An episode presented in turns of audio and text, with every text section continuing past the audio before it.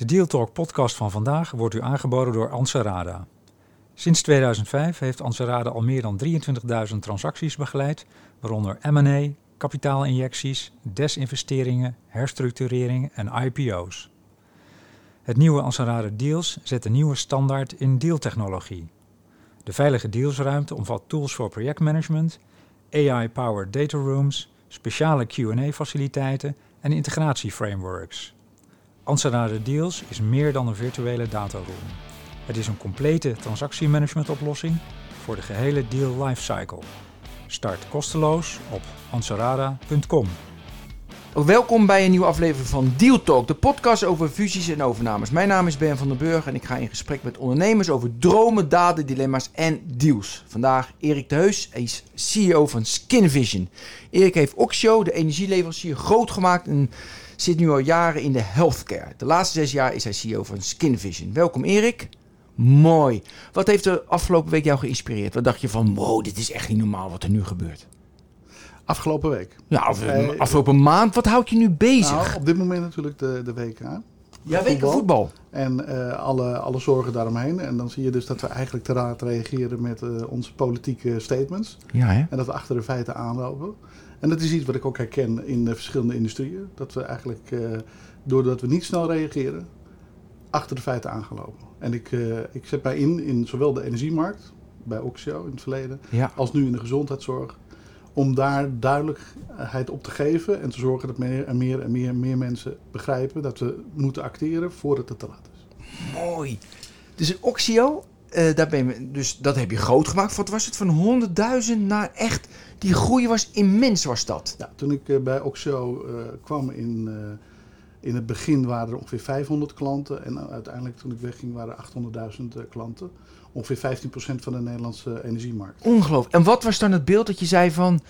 Hey, dit, dit zie ik al, of dit moet veranderen. Wat, wat heel veel mensen nog niet zagen waar de Oxio zo kon groeien. Wat toen nog niet uh, duidelijk was, is hoe die energiemarkt liberaliseerd en vrijgemaakt moest worden. Het was een jaren nul hè, van, ja, van 2001, deze eeuw. 2001. En in 2001 kwam dus de consumentenmarkt uh, vrij. Eerst voor groene stroom en later voor ook uh, gewone stroom, of ja. grijze stroom. En, um, en ook zo heeft daar een hele belangrijke rol in gespeeld om die markt vrij te maken, te helpen organiseren, concurrentie te creëren. Want zonder Oxio was er eigenlijk geen vrije energiemarkt. Dus wij werden daaruit eigenlijk als nieuwe speler uh, gezien en gebruikt ook voor, voor alle partijen om te zien hoe moet je dat nou organiseren. En jij kwam daar uh, kwam je naar werken? Hoe, hoe ben je CEO? Of, ja, hoe dan? En, daarvoor heb ik gewerkt bij Hewlett Packard. Yes. In uh, zowel Nederland team opgebouwd, daarna in Genève voor Europees, op Europees niveau team opgebouwd. Dan twee jaar werd ik gebeld of ik datzelfde wilde doen in Silicon Valley. Ben ik met de familie die kant op gegaan, heb ik drie jaar wereldwijd gewerkt. En toen zei mijn vrouw van nou, alles mooi geweest, we gaan weer terug. Ja. En dan zie je dat zo'n stap vanuit het hoofdkantoor naar de operatie leuk is, maar uiteindelijk ga je toch iets missen. Namelijk dat je meer en meer aan de knoppen zit en aan het stuur zit. Snap ik. En daar minder. Dus we, op een gegeven moment uh, kwam er een verandering van het management van Hewlett Packard. En dat was voor mij een goed moment om, uh, om, om weg te gaan. Dat was eigenlijk net voor de Compaq merge, dus al lang geleden. Maar als jouw vrouw dus niet had gezegd we gaan terug. Had ik zomaar in. had je daar nog je hele leven was in Silicon Valley? Geen probleem. Qua, Achteraf had het wel mooi geweest. Ja, Veel beter toch in, dan in Nederland. Golven. Ja, Gewoon, mooi weer. De bergen ja, kan je ja. in. Onbeperkt drie jaar, geld. Drie jaar geen jas aan gehad. En onbeperkt geld natuurlijk. De, de mogelijkheden zijn onbeperkt. Wat natuurlijk een groot probleem daar Hewlett is. Packard is wel wat minder, maar die had dan natuurlijk zo naar een, een, een big tech uh, weet je, kunnen gaan. Ja, ik heb me altijd ingezet voor nieuwe businesses en nieuwe business opportunities. Dus ik had met de oude dames, zoals jullie Packet heette, in, Mhm. de, in de Bay Area, had ik uh, minder, uh, minder te doen. Dus uh, mijn, mijn, mijn omgeving was alles wat betreft innovatie. Je ziet een groot verschil tussen rijk en arm daar. Dus dat, het gaat uiteindelijk wel. Dat was ook een van de redenen dat we zeiden van high school shootings. hoe gaan onze kinderen dit allemaal ja. ervaren, et cetera. Dus we waren wel toen al, hè, want nu is het nog heftiger. Ja, het nog heftiger. Arme maar dat was toen, dat was toen al, al aan de orde. Een punt. Um, goed, dan moest je terug. Toen moest je hier de operatie in. Ja, en het getal is dat uh, 50% van de expats binnen zes maanden uit het bedrijf is. 50%. Was het binnen zes maanden? Nee. Dat je, oh, het was Nee, langer. Nee, ik ben eh, drie jaar... eh, Oh, je- daarna ook nog drie jaar. Oh, netjes. Oké, dus toen dacht je van operatie minder, ik moet weg. Ja, toen uh, Naro kwam een, een zeg maar push-pull, eh, zoals dat, altijd gaat. Ja. Eh, op een gegeven moment eh, was ik helemaal niet blij met het nieuwe beleid eh, van eh Carly Fiorina. Was toen de eh, CEO die het overnam. Nou, binnen een, jaar was het bedrijf eigenlijk toch gewoon volstrekt eh Wat veranderde er?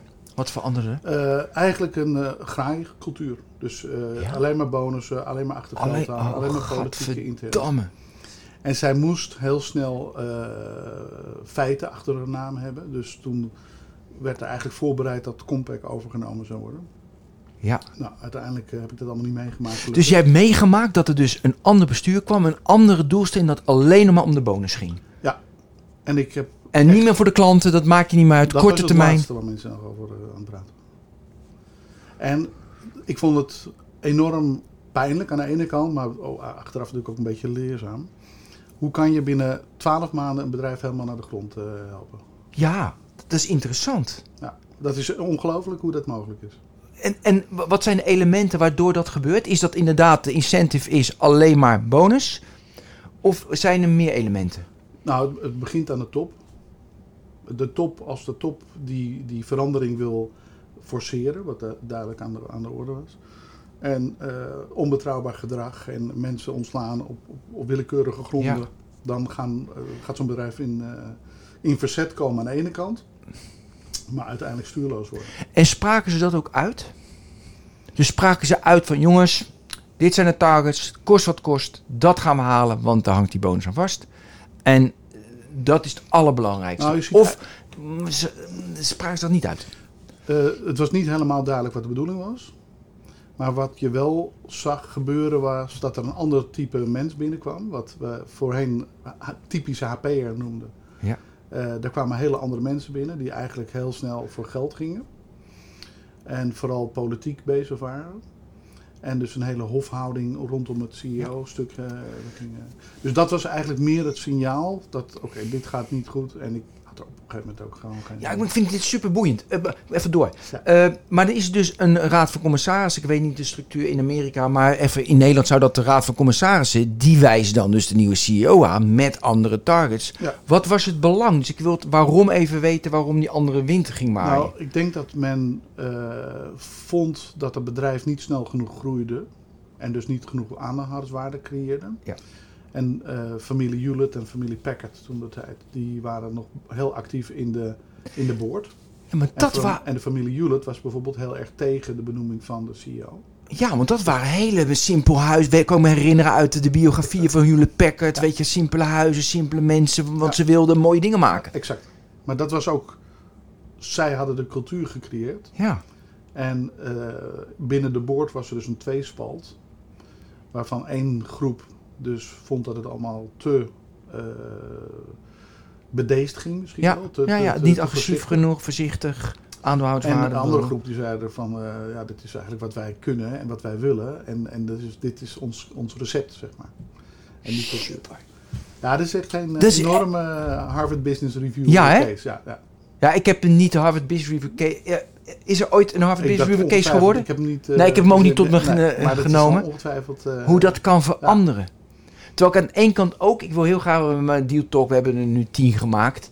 Ik wil ook heel graag een keer, want die ze komen er niet voor uit, een keer iemand in de podcast hebben die alleen maar voor het geld gaat. Blind. Dat vind ik ook grappig. Ik, eh, als iemand het gewoon uitspreekt van, weet je, ik vind zelf denk ik van, je moet weet je, de mensen blijer maken. De waarde met alle mensen moeten we Nederland en de wereld wat beter achterlaten. Maar er zijn natuurlijk mensen die zeggen van, nee, dan moet ik eerst, eh, nu eh, actueel is dat hele FTX verhaal, weet je. En die, en die, en die, is- die eh, Bankman Fried, Samuel, SBF. Dus die zegt van, ik wil, ik wil dat, zeg, dat, dat vertelde hij, nu is natuurlijk failliet.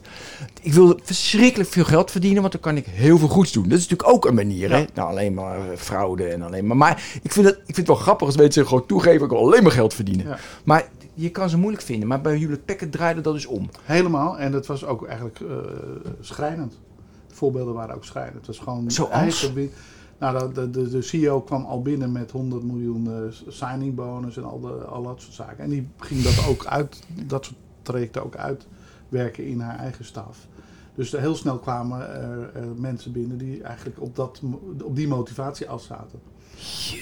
En uiteindelijk, want als ik gewoon dat op mezelf betrek naar de verschillende businesses die ik heb opgebouwd en eh, gewerkt heb. Ik vind het heel interessant om veel geld te verdienen. Ja. Maar als resultante van, van Juist. iets, iets moois. En niet als doel op zichzelf. Nee, En elke dag naar werk gaan met alleen maar. Het is eigenlijk altijd wat ik zeg, is de eerste twee maanden is je salaris interessant. En je derde maand ben je daar ja, dan weet je het niet meer. In Amerika is wel een andere cultuur. Dus mensen kunnen daar heel goed, als het, dat zie je ook nu met die polarisatie in de politiek, is dat als de wet zegt dat het mag, dan mag ik dat doen, ook al is er een ethisch probleem Ja, of al vergaat ik mensen. Eh, en, en ook al eh, verrijk ik mezelf onrechtmatig in de ogen van anderen, of misschien wel niet onrechtmatig, maar, eh, maar exorbitant. Ja. Dan kunnen Amerikanen daar heel goed mee leven. Want dat Ja. is het systeem wat dat tolereert en, en eh, organiseert. En daarmee kunnen ze eh, in feite verder.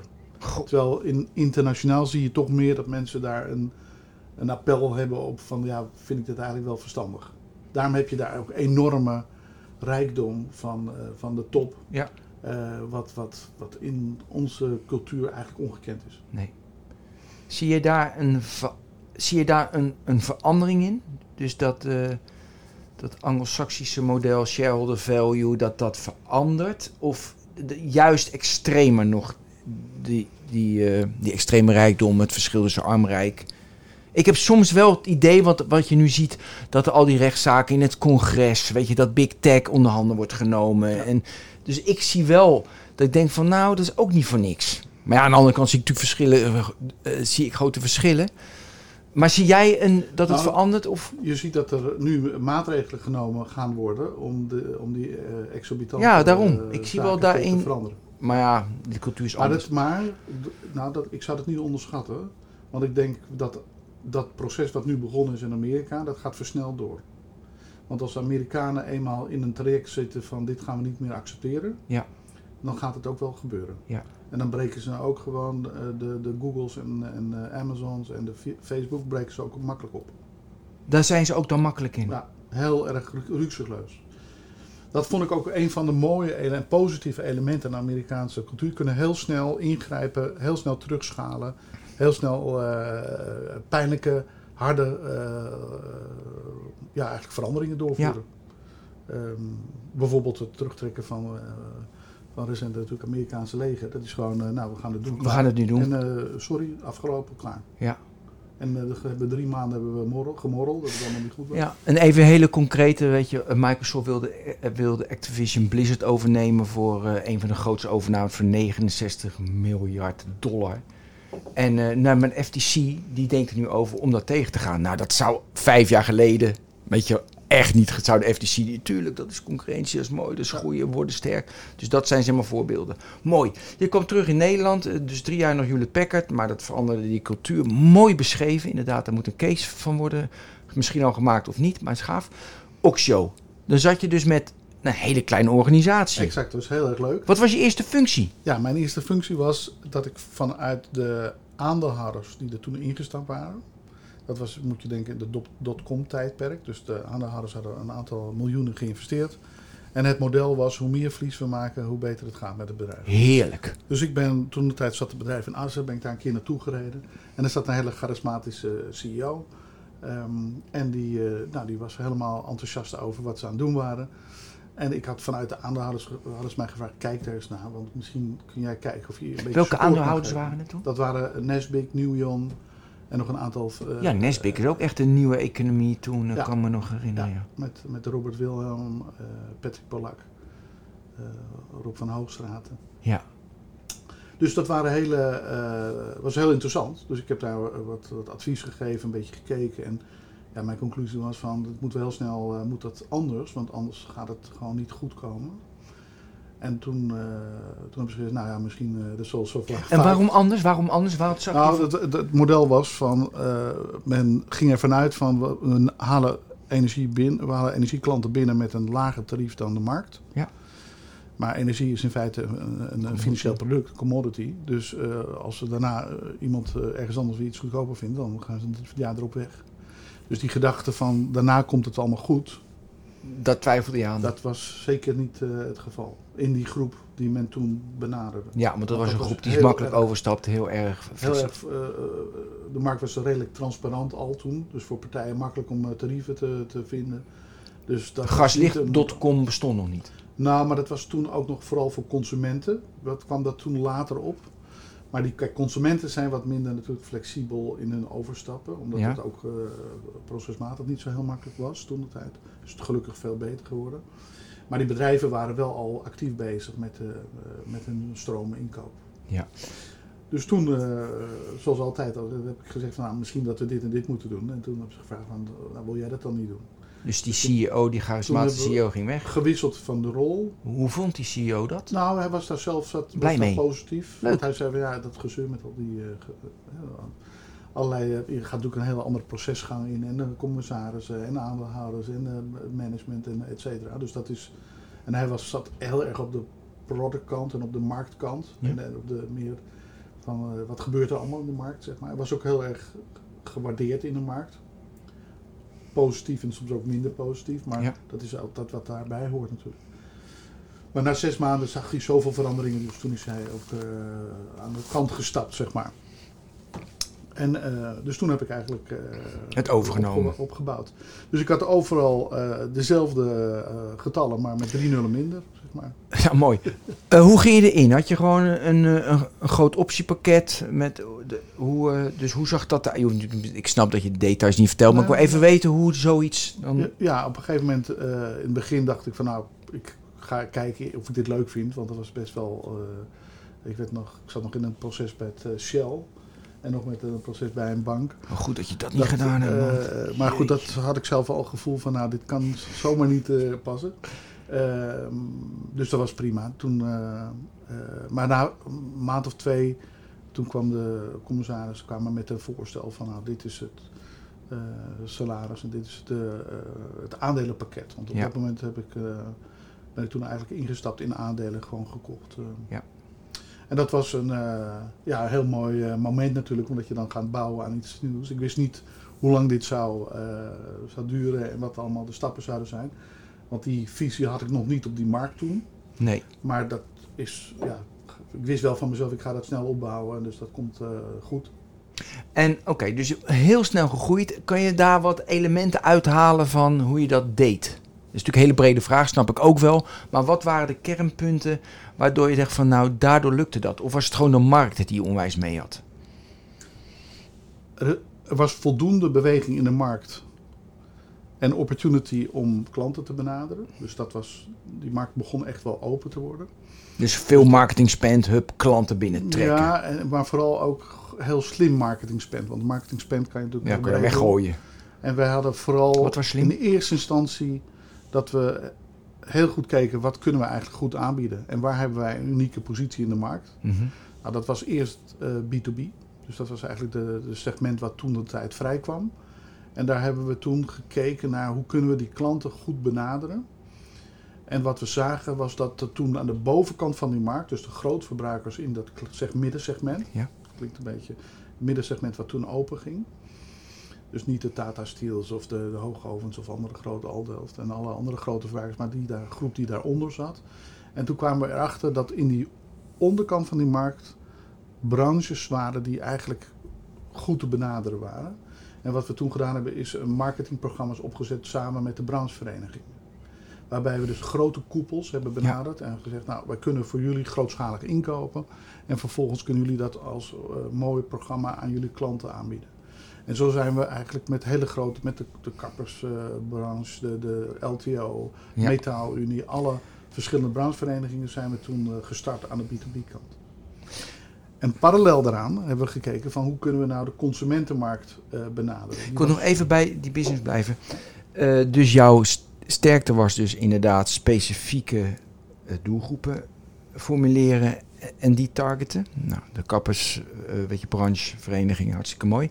Maar het is natuurlijk ook een inkoop. En dat geldt ook voor de B2B, maar ook voor B2C. Ja.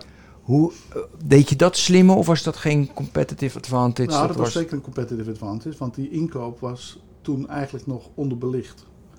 En we hebben een aantal contracten toen gesloten. En onder andere samenwerking gezocht met de grote partijen in Nederland. Mhm. Electrabel, eh E.ON en Cent waren toen de grote eh, producenten die ook dus contracten wilden afsluiten. En wat we toen onderzochten was van hoe kunnen we eigenlijk ons risicoprofiel zo laag mogelijk maken. En daar kwamen we erachter dat we daarvoor lange termijn inkoop nodig hadden. Lange Ja. termijn inkoopstrategie. Nou, dat is waarschijnlijk eh, nu, eh Ja, nu weet, nu weet iedereen dat. Nu Ja. weet, eh, de, de, de man in the street weet dat ook nu.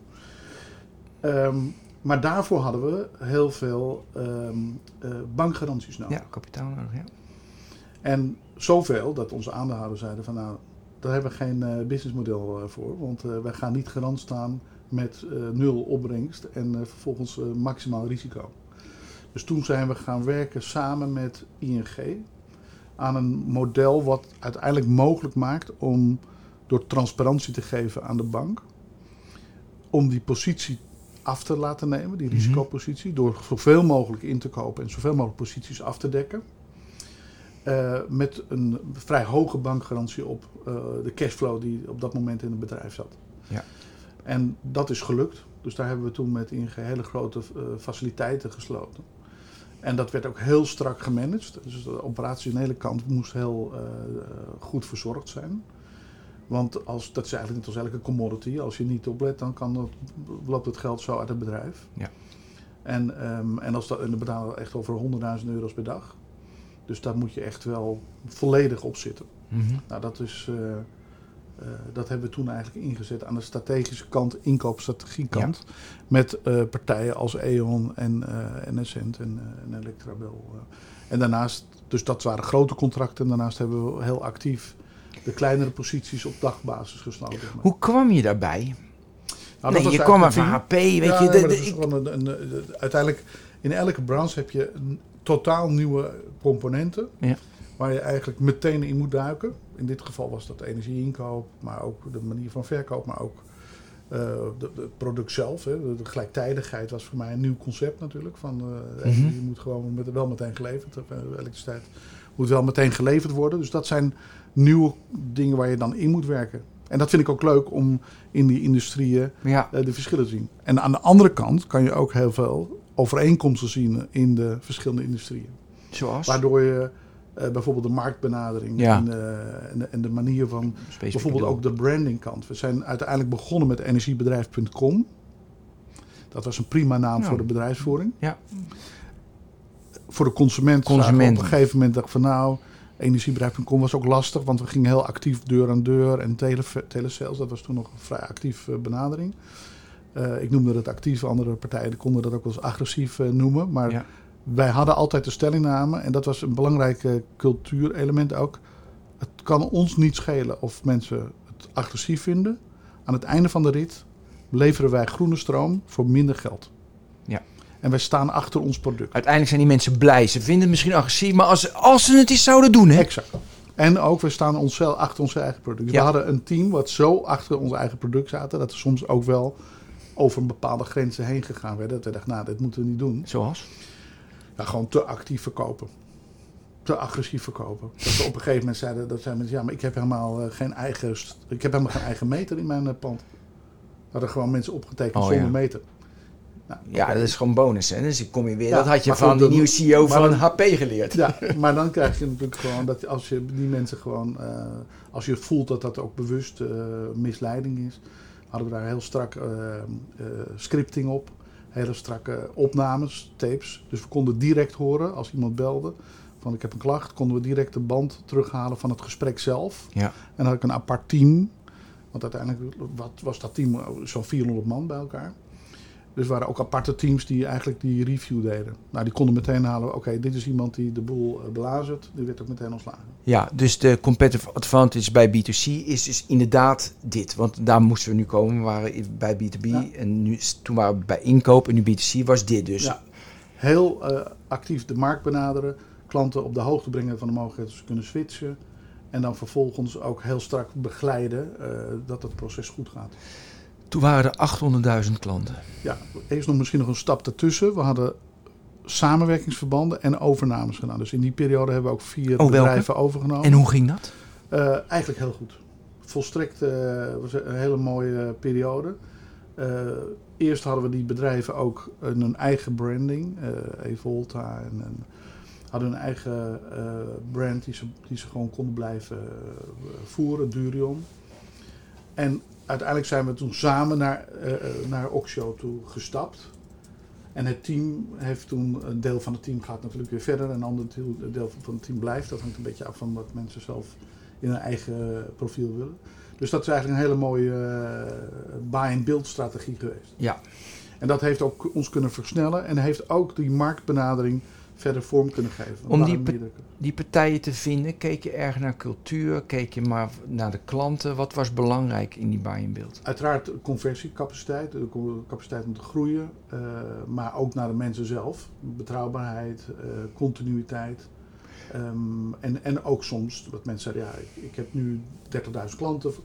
eh, ik wil wat anders gaan doen bijvoorbeeld. Dat was ook een, een mogelijkheid. Dat mensen zeiden van ja, ik vind het nu mooier en ik zie dat, eh, dat die markt is. eh, dus die wilden eigenlijk gewoon een, een exit creëren. Dat kan Je, zijn die waarderingen in die energiemarkt, zat dat vrij vast? toen de tijd kon je relatief goed inzien van wat is de waarde van een klant. Oh, grappig. En dan, daarmee kon je ook goed een prijs. eh, Dan kan je makkelijk ook. maken. Ja, precies. Ehm, ik weet bijvoorbeeld uit mijn hoofd bij Facebook, weet je, is de ARPU, average revenue per user, eh, in Amerika zeg maar 25 dollar, in Europa 20, gemiddeld iets van 6. Weet je, dan kan je natuurlijk uitrekenen hoeveel, wat de market cap is. Nu is het natuurlijk onwijs gedaald. Hoe, wat, is, wat is een klant in de, en ik weet ook voor telecom, weet je, de ARPU is dan zeg maar 30 eh, zeg maar euro per maand, gemiddeld. Eh, hoeveel, in de energiemarkt reken je ook zo. Dus iemand, een klant is, hoeveel is een klant waard? Ja, uiteindelijk is de, de revenue per user is eigenlijk vrij hoog. Omdat je natuurlijk. Omdat mensen eh, blijven. Nou, nee, omdat je natuurlijk. Het product is vrij kostbaar. Ja, nu wel, ja. Ja, en maar toen ook in feite. Gewoon, je praat al snel ja. over, over honderden, honderden euro's of soms duizenden euro's per klant per jaar. Dus waar je op richt is de marge. Omdat het een commodity is, ga je ervan Ja. uit dat mensen snel en flexibel om kunnen gaan met hun Daarom inkoop. dat inkoop is dus onwijs belangrijk. Inkoop is belangrijk, maar de marge, dus hoeveel geld kan ik maken met een klant? Omdat die in die concurrentie, die hevige concurrentie, gaat die marge behoorlijk onder druk komen te staan. Ja. Dus dan praat je over 40 tot 70 euro per klant per jaar. Nou, dan kan je kijken. Als Ja. je, maar dan moet dus wel de hele operatie nog vanaf. Dus dat is echt de, de, de, de bruto marge. Daar moet je operatie vanaf en je risico niet betalen, wanbetalen en de hele. Dus dan kan je wel rekenen op wat, wat, wat de bedragen zijn die je voor een klant betaalt. Dat staat ergens tussen de 200 en 500 euro per klant, afhankelijk van het profiel. Jeetje. Dan had je 800.000 klanten en dan... eh, Nou, dan kun je ook uitrekenen wat het bedrijf waard is. Mooi zeg. En dan had je gewoon 50%. Wat lekker, man. Goed, ja, goed, man. Oké, dus die 800.000... Ik ga wat weer in water denken, want het wordt nu spannend. Ja, nee, maar ik, ik, ja, ik snap nee, het. Oké, ehm, die, ehm, maar dat is ook wel interessant wat je zegt. Je, een klant wordt dan natuurlijk meer waard. Even als je natuurlijk de marketing spend naar beneden doet, de acquisitie spend. Dan ga je natuurlijk daar ook naar die elementen allemaal kijken. alles, ja. Toen jij wist dat je van, oké, dit heb ik wel gezien. Ging je dat toen maximaliseren? Of heb je daar Nee, totaal niet naar we- gekeken? We hebben eerst gekeken dus naar de groei. Want het ging, eh, dus we hebben dit, eigenlijk die groei gerealiseerd in, zeg maar even vijf jaar. Mhm. Toen op een gegeven moment kwamen we in een situatie dat we eigenlijk groot, geno- bijna een half miljard omzet hadden ook. Dus dat we groot genoeg werden om ook naar een beursgang te kijken. Gaaf. Dus toen hebben we een beursgang voorbereid. Ik weet nog wel de eerste Dat dag dat ik niet, dat ik binnenkwam. Toen zaten er 36 mensen, eh, eh, 36 adviseurs in de zaal bij. Clifford in Amsterdam. Ja. En wij waren met vier man eh, als managementteam. Oh, vertel. Echt. Dus eh, mijn opmerking was ook van eh, als iedereen hier onze vraag gaat stellen, dan eh, gaan wij eh, de komende maanden niet meer eh, Nee. het bedrijf kunnen runnen. Dus eh, als jullie nu even je werk doen, dan gaan wij verder. Het was een heel interessant proces. Want dan krijg je dus dat het hele diligence, alles moet op orde zijn. Al, zeg maar, en dat is voor een bedrijf natuurlijk heel goed. Ja. Wat ik wel heb onderschat, en iedereen heeft onderschat, is hoe enorm kostbaar het is. En ook hoe enorm eh, veel druk dat zet op je organisatie. Dus ik denk dat wij toen ook nog te klein waren om die stap te nemen. Eh, en wat er toen ook nog speelde, was dat de splitsing van die netbedrijven en die leveranciersbedrijven nog niet volledig duidelijk was. Ja. Dus wij hadden ook heel veel contact met het ministerie om te praten over hoe die kruissubsidies die dan plaatsvonden tussen de retailbedrijven en de Mhm. netbedrijven. Want de netbedrijven maakten heel veel geld en dat was natuurlijk geen concurrentie. Dus daar werd geld overgeheveld richting de eh, leveringsbedrijven. Ja. Dus wij moesten concurreren met het deel wat verlieslatend was binnen de bestaande energiebedrijven. Maar goed, als je dan genoeg eh, inkomsten maakt uit het netbedrijf, dan kan je dat natuurlijk een heel eind voor. En, en, en voor ons was dat dat echt een, een bedreiging, permanente bedreiging. Marktwerking blijft dan wel ontstaan, alleen je weet niet exact op welke gronden je aan het concurreren bent. Eh, dus dat was voor een beursgang wel een soort, ja, min of meer een soort onzekerheid. Ehm, waar we mee te maken kregen. Waardoor ook die uiteindelijke stap naar de beurs niet is, is doorgegaan. Want er waren op een gegeven moment te veel onzekerheden om de, de, de commercie eigenlijk kant. Hè, want de bank ging natuurlijk ook langs de, de deur om te verkopen. En toen kwam, eh, op dat moment kwam Centrica om, eh, met een soort knock-out bid. En die wilde graag eh, op het mainland Europa een positie hebben. Ook in de retailkant. Ze Mhm. waren ook bezig aan de, ups- de upstream kant. Om, om productiecapaciteit te kopen. En die hebben toen eigenlijk een, een heel mooi aanbod neergelegd voor, eh, voor alle partijen. Ja. Dus toen zijn we daarop eh, op ingegaan. En wat ging je toen doen? Want toen was het voorbij. Nee, toen was eigenlijk het plan om Oxio in heel Europa uit te, uit te bouwen. Oh, dat was Ja. een, juist Dus, ja, door. nee, was- wij- maar waarom ging je dan weg? De- toen het Nou, 800.000 ik heb was. toen, ja, maar dus ik heb toen, eh, dat, want dit was, toen ben ik, toen hebben ze gezegd, blijf nog de transitie doen. Mhm. Dus dat was ook qua earn-out eh, lucratief om nog even te blijven. Maar ze zeiden vooral, we gaan die eh, eh, expansie doen. Eh, en dat vond ik heel interessant. Alleen toen werd er heel veel druk gezet. Dus dat was toch een beetje een begin van een soort pushback Mhm. richting Centrica. Werd er heel veel druk gezet, waardoor Centrica geen enkele upstream capaciteit kon kopen en overnemen. Of output kon overnemen. Ze hebben toen nog wel een van die centrales in, in Rotterdam gekocht, een van die gascentrales. Ja. Of de output daarvan. En, ehm, ehm, maar uiteindelijk kon dat niet voldoende in de strategie verwerkt worden, waardoor eigenlijk de groei van Oxio ehm, niet meer prioriteit was voor de groep. Ja. En dan krijg je een hele rare situatie, want dan is de aandeelhouder zit eh, in Engeland, die heeft eigenlijk geen belang om te laten groeien. En het managementteam zegt dan, ja. wat gaan we nou doen? En toen? En eh, toen heb ik gekeken van, oké, ik, ik blijf die, die, die, die periode... maak die earn-out vol. pakken. Ja, en dan ga ik gewoon verder. We moeten even naar... Toen ging je in de healthcare. Vind ik ook wel een beetje HP, Oxio, energie en dan in de healthcare. Want we begonnen met CEO Skin Vision. Hè? En ik heb een jaar geleden Skin Vision gebruikt. Een appie. Ik had een, eh, een dingetje op mijn rug. Ik heb een foto gemaakt. Ik heb 6,95, ja 7 euro was voor mij iets van 6,95 betaald. Eenmalig. Dat vond ik ook wel mooi. Dat ik gewoon gelijk moest betalen. Want alles gratis, dat kan helemaal niet. Het was allemaal positief en niks aan de hand. Dus, maar je kwam in de healthcare terecht. Hoe kwam je in de healthcare Ja, terecht? Ik, ik heb eh, toen, eh, na- de periode bij, eh bij Oxio, heb ik even een paar maanden nagedacht van... Wat mijn- nu met mijn leven? ja, exact, wat nu? En toen zei mijn vrouw, nou die wist het al redelijk snel. Dus we gaan weer gewoon aan het werk.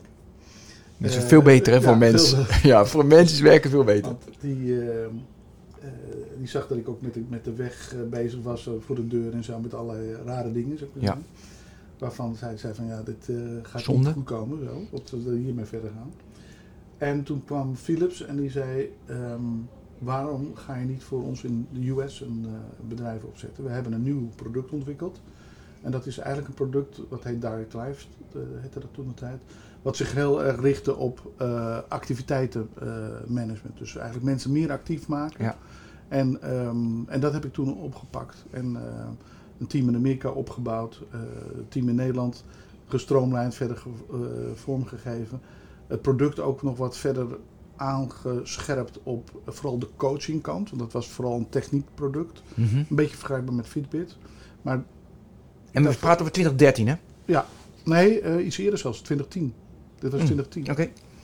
En toen eh, ehm, eh, heb ik eigenlijk Eh, eh, dus eigenlijk de coaching kant toegevoegd, omdat ik dacht, mensen gaan ook niet alleen maar op techniek.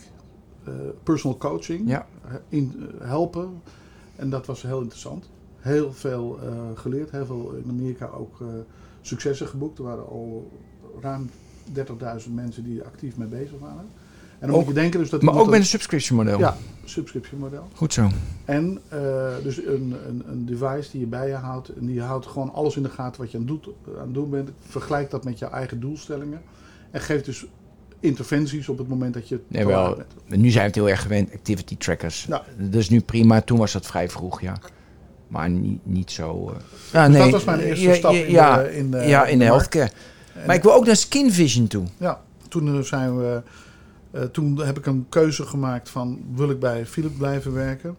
Ik kreeg feedback dat men dat coachingmodel niet interessant genoeg vond. Ik vond dat strategisch belangrijk. En men wilde het zoveel mogelijk via retail en eigenlijk een soort Gewoon wegdouwen. Ja, natuurlijk. Een productbedrijf. Ja. Een beetje wegdouwen van producten. Dus toen dacht ik, nou, dat gaan we niet doen. Tenminste, ik niet. En toen ben ik eh, eruit gestapt. En eh, toen ben ik samen met eh, zakenpartner Steve Seuntjens ben ik begonnen met Personal Health Solutions. Ja. En toen zijn we gaan investeren in, eh, in medische oplossingen. Machtfit, Pacifica, Ja. een gezondheidsapp zag ik. Ja. En Skin Vision. En ook. Colpack. Colpack, ja, dat was smart. Welke doet het nog? Ah, doen ze het allemaal nog, die Ja, investeringen? Ja, behalve Colpack hebben we on, op, de, op de plank gezet. Even. Maar ik, zag, ik vond eh een Duits, de macht.de, Machtfit, ja, Fit dat is een, vond ik behoorlijk. Ik dacht, zo, ja, dat is een serieus bedrijf. dat is een serieus Ja, bedrijf, ja. Nee, dat is net zoals Skin Vision, een serieus bedrijf. Ja, maar daar ben je ook CEO. Dat Ja. dacht je van, daar moet ik verder ook iets mee. Maar mijn zakenpartner richt zich op uh, Maatfit. Ja? En eh, ja, dat is in feite echt een, een platform voor medewerkers van bedrijven, eh, Lufthansa, Bayer, dus grote bedrijven, die dan eh, actief programma's kunnen boeken online via alle, een, een netwerk van partners. Die daar, eh, En dan om fit te blijven. Ja. Maar ook Maar ook fysiek, ook mentaal. ja, Oh, zeg maar open up hoor je nu veel van in Nederland. Dat, dat, dat soort. eh, Ja. Dus dat werd allemaal, wordt allemaal aangeboden op de platform. Oké. Snel groeiend en, en, eh, en heel succesvol. Hoe is het om te ondernemen in de gezondheidssector? Ehm, ik zie heel veel parallellen met, eh, met de energiesector. Ja? Er zijn ook heel veel verschillen, maar daar zie je over de, de, het is natuurlijk gereguleerd. Dus Mhm. behoorlijk eh, aan alle reguleringen. Het is een markt die in ontwikkeling is. Mensen zijn niet gewend dat er een open markt ontstaat en dat je keuzes eh, hebt om eh, bepaalde dingen wel of niet te laten doen, om proactief te zijn, preventief bezig te zijn. Maar ook als je in het zorgpad zelf zit en dus patiënt bent geworden, dat je keuzes hebt en keuzes kan maken. En ik denk dat die trend steeds sneller nu doorgaat. Nou, er is een enorme, eh, als ik praat over de gezondheidszorg algemeen, natuurlijk een enorme druk op de zorg qua vraag. Ja. Vanwege de Te veel vraag. En er is een enorm tekort aan, de, aan aanbod van personeel, gekwalificeerd personeel. Ja. Dus het, je hoeft niet heel eh, geen eh, genius Nee. te zijn. Ik denk, nou, dit kan dus alleen nog maar met technologie en enorme ver- effectiviteitsverbeteringen opgelost worden. Ja. En of we moeten dus wachten, daar begon ik mee, of we moeten wachten tot het te laat is en dan kunnen ze ook niet Nee, naar de je bent dokter. het voor. En daarvoor zien we nu dat er heel veel eh, voedingsbodem is. Dat heeft wel inmiddels bijna tien jaar geduurd. Eh, want zo lang zit ik in die markt en zie ik gewoon elke keer een klein beetje sta, eh, Ja, vooruit. Voor mij, ik vind het heel langzaam gaan. Ik neem het bijna al niet meer als ik weer. Dan denk ik van. Het gaat zo traag technologie in de gezondheidszorg. Die weerstand die er is. Ja, wat er ontbreekt is, er, er ontbreekt eh, visie. Vanuit de, de overheid, vanuit de, de, de- gewoon de, de- Mhm. de beleidsbepalers. En er ontbreekt regie. Wat voor Dus er- visie zou er moeten zijn dan? Nou, de visie is in feite wat we net bespreken, eh, heel simpel. Ja. Wij gaan nu gewoon technologie strategisch inzetten. En daarvoor hebben we 1, 2, 3, 4, 5 miljard beschikbaar. Ja. En dat gaan we nu in de markt zetten. En deze processen gaan we, eh, willen we ingericht hebben. Want we snappen allemaal, dit jaar wordt het Ja. 2023, het budget wordt 106 miljard in de gezondheidszorg in Nederland. 106. Het is- hoort alles bij, hè? ook de GGZ en de, de ouderenzorg. Maar dat Dus is maar het begin. het slaat helemaal nergens op. Dus als je dus 5 miljard investeert, dan moet je toch. Dat moet, oké. Er moet 5 tot 10 procent moet er ingezet worden, als je dan praat over brede, op preventie Ja. en, en proactief eh, in plaats van reactief. Maar goed, dan heb je de... Dus dat is visie. Zeg maar. Ja, dan dus heb je de regie. Wie heeft nu eigenlijk de regie? Nou, dan zie je dat die regievraagstuk heel erg versnipperd is. We hebben de, de, de, de regulering die kijkt heel erg naar het verleden. Van hoe deden we het en Ja. eh, daar moet alles aan voldoen. Eh, je hebt de doktoren, die zijn natuurlijk getraind in hun vakgebied. Maar zijn niet getraind in het vakgebied wat er moet gaan komen voor de toekomst. Nee. En in procesmanagement. En, eh, en, en dan heb je natuurlijk technologiebedrijven die kijken natuurlijk waar ligt laaghangend fruit om te zorgen dat we snel kunnen, eh, kunnen, kunnen payback kunnen doen. Maar wat denk je van de verzekeringen? En de verzekermaatschappijen die hebben eigenlijk geen enkele, eh, of re- nee, sorry. Die hebben blijven, weinig, ja, weinig verantwoordelijkheden om bijvoorbeeld preventief te, Ja. te werken. En moeten dus min of meer op eigen titel en risico, eigen rekening en risico, stapjes nemen. Waarbij iedereen daaromheen te vriend gehouden moet worden. Nou, daar zit een dilemma, want dat gaat natuurlijk nooit lukken. Ja. En eigenlijk als iedereen het ermee eens is, dan gaan we wat doen. Nou, dat is een model wat in ieder geval in Nederland plaatsvindt zo. In, in Engeland is het iets anders. In België is dat iets anders. In Duitsland is het iets anders. Waarom Iedereen heeft- anders? Iedereen heeft daar zijn eigen regelgeving. Dus als internationaal partij, want techniek is niet Nee. Nederlands, techniek is wereldwijd, eh, dan zien wij gewoon die verschillen. Dus in België is er een, wat ze noemen een health pyramide. Eh, als jij op niveau 1 zit, 2 zit, 3, dan kun jij gewoon gereimbursed worden door de verzekermaatschappij. Hm. Dus dan is het wettelijk kader geschapen- om gewoon te, zaken te kunnen doen. Dus heel transparant. Dan kunnen mensen ook iets, aan, iets, iets bouwen, iets aanbieden. Uiteraard moet er voldoende evidence zijn dat het goed werkt en dat het veilig is. En dan kun je ook vergoedingen krijgen. Hier is het, als zou je al die stappen doen, geen enkele garantie dat je eh, reimbursement krijgt. Ja. Dus dat betekent dat investeerders zeggen, nou, hier ga ik even niet aan meedoen. Dus dat betekent dat mensen heel erg, of heel erg langzaam, of dat er allerlei mini-projectjes komen vanuit, eh, vanuit eh, verschillende partijen, Ja. die nooit schaalbaar kunnen gemaakt Nou ja, dat, en dat heb ik als ik dan... eh, Nou, ni- ni- niet denigrerend bedoeld, maar dan heb ik Skin Vision en Appie. Denk ik, jeetje, hoe krijg je dat nou voor elkaar? Dat dat bijna de standaard wordt. De, want ja, dan denk ik, ja, weer een Appie, weer een mogelijkheid. En het zit... Doe, ik ontdekte het heel toevallig, waardoor ik het gebruikte. Maar ja, eh, en, en dan? V- eh, ik betaal het zelf. Heel veel mensen denken, ja, ik ga geen 7 euro. Ik ga wel naar mijn huisarts, want dan is het gratis. Ja. Ja, hoe gaan we daarmee om? Nou, eh, stap, uiteraard stap voor stap. Dus we hebben met, samen met Erasmus de klinische bewijsvoering eh, ingericht. Waardoor publicaties komen en zijn die aangeven dat het werkt. Dus dat is al één stap. Vervolgens hebben we met verzekeringsmaatschappijen zoals CZ en ORA, Nationale Nederlanden, de hele groep daar, maar ook DSW. eh, in verschillende manieren samenwerkingen waarin zij het aan hun klanten aanbieden. Ja, En dan krijg je dus al dat je behoorlijk wat praktijkervaring krijgt. En dat je dus een paar honderdduizend klanten al kan bedienen. En daar komen ook echt daadwerkelijk waar eh, huidkankerplekken uit. En die worden dan vervolgens door ons ondersteund naar de, vers- de verschillende doktoren. Ja. Op basis daarvan zien doktoren, oh wacht even, dit is eh, fijn dat de klant eh, Skin Vision heeft gebruikt. Dat er iets gevonden is wat ik nu kan gaan behandelen. Ja. Je zou dus en daar en die journey, zeg maar, die we nu in zijn, die begint, die, die begint heel langzaam en die gaat steeds sneller. eh er wordt een soort eh, steeds sneller, eh beweegt zich steeds sneller voort. En nu gaan ook bedrijven als, Zilveren Kruis gaan meedoen en de andere partijen die zeggen, ja, maar hoe kunnen we dit doen? Die weten dan, ja, het is nog niet allemaal door iedereen goedgekeurd en iedereen heeft daar wel een mening en een gevoel over. Maar we zijn wel, hoe kunnen we dat gaan doen, zeg maar. Ja, Maar dat is een enorme, eh, zware manier om de markt op te gaan. in de gezondheidszorg komt natuurlijk ook de pushback van... ja, dan gaat iedereen het zelf meten. Eh, en dan komt er nog meer druk op de gezondheidszorg. En er is al zo druk op de gezondheidszorg. Hoe ga je daarmee om? Ja, dus dat is een, prima. Hè? Iedereen heeft daar eh, zijn eigen beeldvorming over. Wat Skin Vision doet, doet eigenlijk twee dingen. Eén is dat als iemand een foto neemt en hij krijgt, eh, terug eh, laag risico, dan gaan mensen niet naar de dokter. Dat was ik. Als mensen met een hoog risico, die gaan naar de dokter. Ja. Nou, dat is ook natuurlijk wat wij voorschrijven.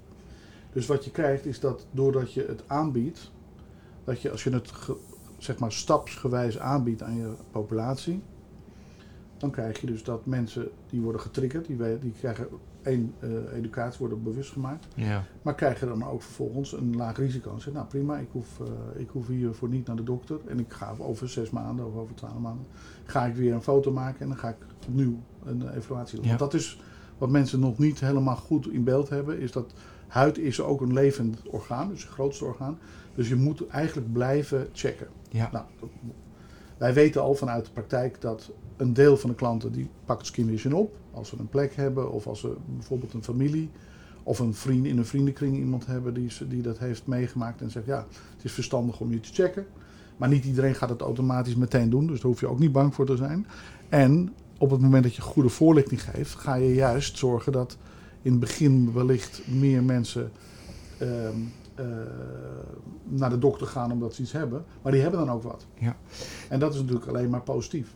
Ik wil even terug naar het bedrijf. Dit Personal Health Solutions School Capital. Jullie, jullie hadden met Ja. een collega had je wat geld bij elkaar en je ging investeren. Hoe besloot je in welke bedrijven je ging investeren? Dus Skin Vision was er al iemand denk ik die een appje had gemaakt. Ja, klopt. Was een, een, een, er was niet een, de app was er niet, maar er was een, een team van dermatologen en wiskundigen. Ja, mooi. En die hebben in, ehm, eh, gekeken naar wat is nou herkenbaar in melanoom. Ja. En die kwamen erachter dat als je chaotische groeiprocessen ziet, Ja. en dus een chaotisch patroon ziet, dan is er een hoger risico dat, dat melanoom is. Maar er maar daar er zat geen we- bedrijf omheen en je dacht van... hebben nou, gezegd van nou, laten we hier een bedrijf van maken. En toen Ja. zijn we gaan investeren. eh, De applicatie gebouwd, de eerste versie. De scientific evidence hebben we toen gedaan in eh, München met eh, professor Rutsika. Ja. En eh, toen zijn we eigenlijk begonnen met het opbouwen van, eh, van Skin Vision. En toen in 2018 haalde je 6,5 miljoen euro groeikapitaal op. Ja. Leo Pharma PHS. Ja. Dat was omdat je dacht, ik, ga het niet, ik blijf het niet zelf financieren. Of je wilde partners erbij hebben. Ja, uiteraard wil je constant, ga je verder groeien en daar heb je natuurlijk geld voor nodig. En, eh, en de energie of de, de, de gezondheidszorgmarkt is natuurlijk een langzaam voorbewegende markt. En we hebben toen besloten, eigenlijk gekeken naar, als we alleen in Nederland eh, actief blijven, dan is één veel te gevaarlijk. Maar ook inderdaad, eh, kansen zijn verschillend. Dus laten we nou op een aantal markten inzetten. Dus we hebben Australië, Engeland, Duitsland, België. Dus eh, zo zijn we eigenlijk gaan groeien. En we hebben ook in parallel gezegd, laten we een FDA-approval proces opstarten. Ja. En daarvoor hebben we dat, eh, dat geld opgehaald. Om ook de, de FDA... Is het nu gelukt, Eh, die FDA? We zijn nu in de laatste fase bezig. Al vier jaar bezig Ja, ermee? ja. Ongelooflijk. hè? We zijn een breakthrough device voor de Yes. FDA. Dat betekent dus dat niet alleen wij willen dat eh Skin Vision op de Amerikaanse markt gaat, maar ook FDA. En ehm, dus we, we zitten in dat proces waarin we eigenlijk tot de laatste informatie. Men wil uiteraard, het is een grote markt, ehm, heel veel evidence zien. Eh, ook vanuit de Amerikaanse markt. Dus Ja. we zijn nu ook bezig om een, een, een eh, clinical trial te doen in de US. Waar gaat dat eindigen? Nou, wij denken, en onze visie is dat wij eigenlijk denken dat we met technologie zoals Skin Vision, dat we de helft van de late, late stage melanoma Mhm. patiënten, dus echt de gevaarlijke plekken, terug kunnen halen. Dat betekent dus dat je 250.000 levens kan redden in de komende 10 jaar. En dat betekent dus ook dat je wereldwijd moet gaan opschalen. Dus ehm, eh, eigenlijk wat we bij Oxio niet, eh, die stap hebben we niet gemaakt om van, naar internationaal te gaan Mhm. zien we dat we hier al eh, in de- met de NHS bezig zijn in eh, en Engeland. met, eh, in Engeland, maar in Duitsland met AXA en in eh, België met de verschillende mutualiteiten. Dat zijn de ziekenfondsen en de verzekeringsmaatschappijen zoals die in België. Eh, dus dat we eigenlijk die markt verder aan het ontwikkelen zijn. Dus wat, waar dit eindigt is gewoon dat wij in Amerika eh, op de markt zijn, wereldwijd beschikbaar zijn. En dat Skin Vision een global brand name eh, wordt. En dan toch die beursgang. Kan, kan. Eh, kijk, uiteindelijk is ons doel om die 250.000 eh Ja. in beeld te krijgen. En als daar iemand komt die tussendoor zegt, we willen het overnemen, nou dan zien we dat wel. Dat is niet een doel op zich. Maar wat ga je dan doen als het weer wordt overgenomen? Eh, dan kom ik hier weer zitten met jou praten. Mooi, dan gaan we al die verhalen weer vertellen. Ja. Oké, eh, we gaan hierbij stoppen. Erik Deus, hartstikke bedankt. Geen dank. Ik heb genoten. Erik is de CEO van Skinvision en eh, we gaan heel veel uh, mensenlevens redden, redden. Iets later dat ze natuurlijk geconfronteerd worden en dat ze een lange goed leven hebben. Dat gaan we doen. Dankjewel voor het luisteren naar Deal Talk. Tot de volgende Deal Talk. Hoi hoi. U heeft geluisterd naar Deal Talk. De Deal Talk podcast van vandaag wordt u aangeboden door Anserada. Anserada Deals is meer dan een virtuele dataroom. Het is een complete transactiemanagement oplossing voor de gehele deal lifecycle. Start kosteloos op ansarada.com.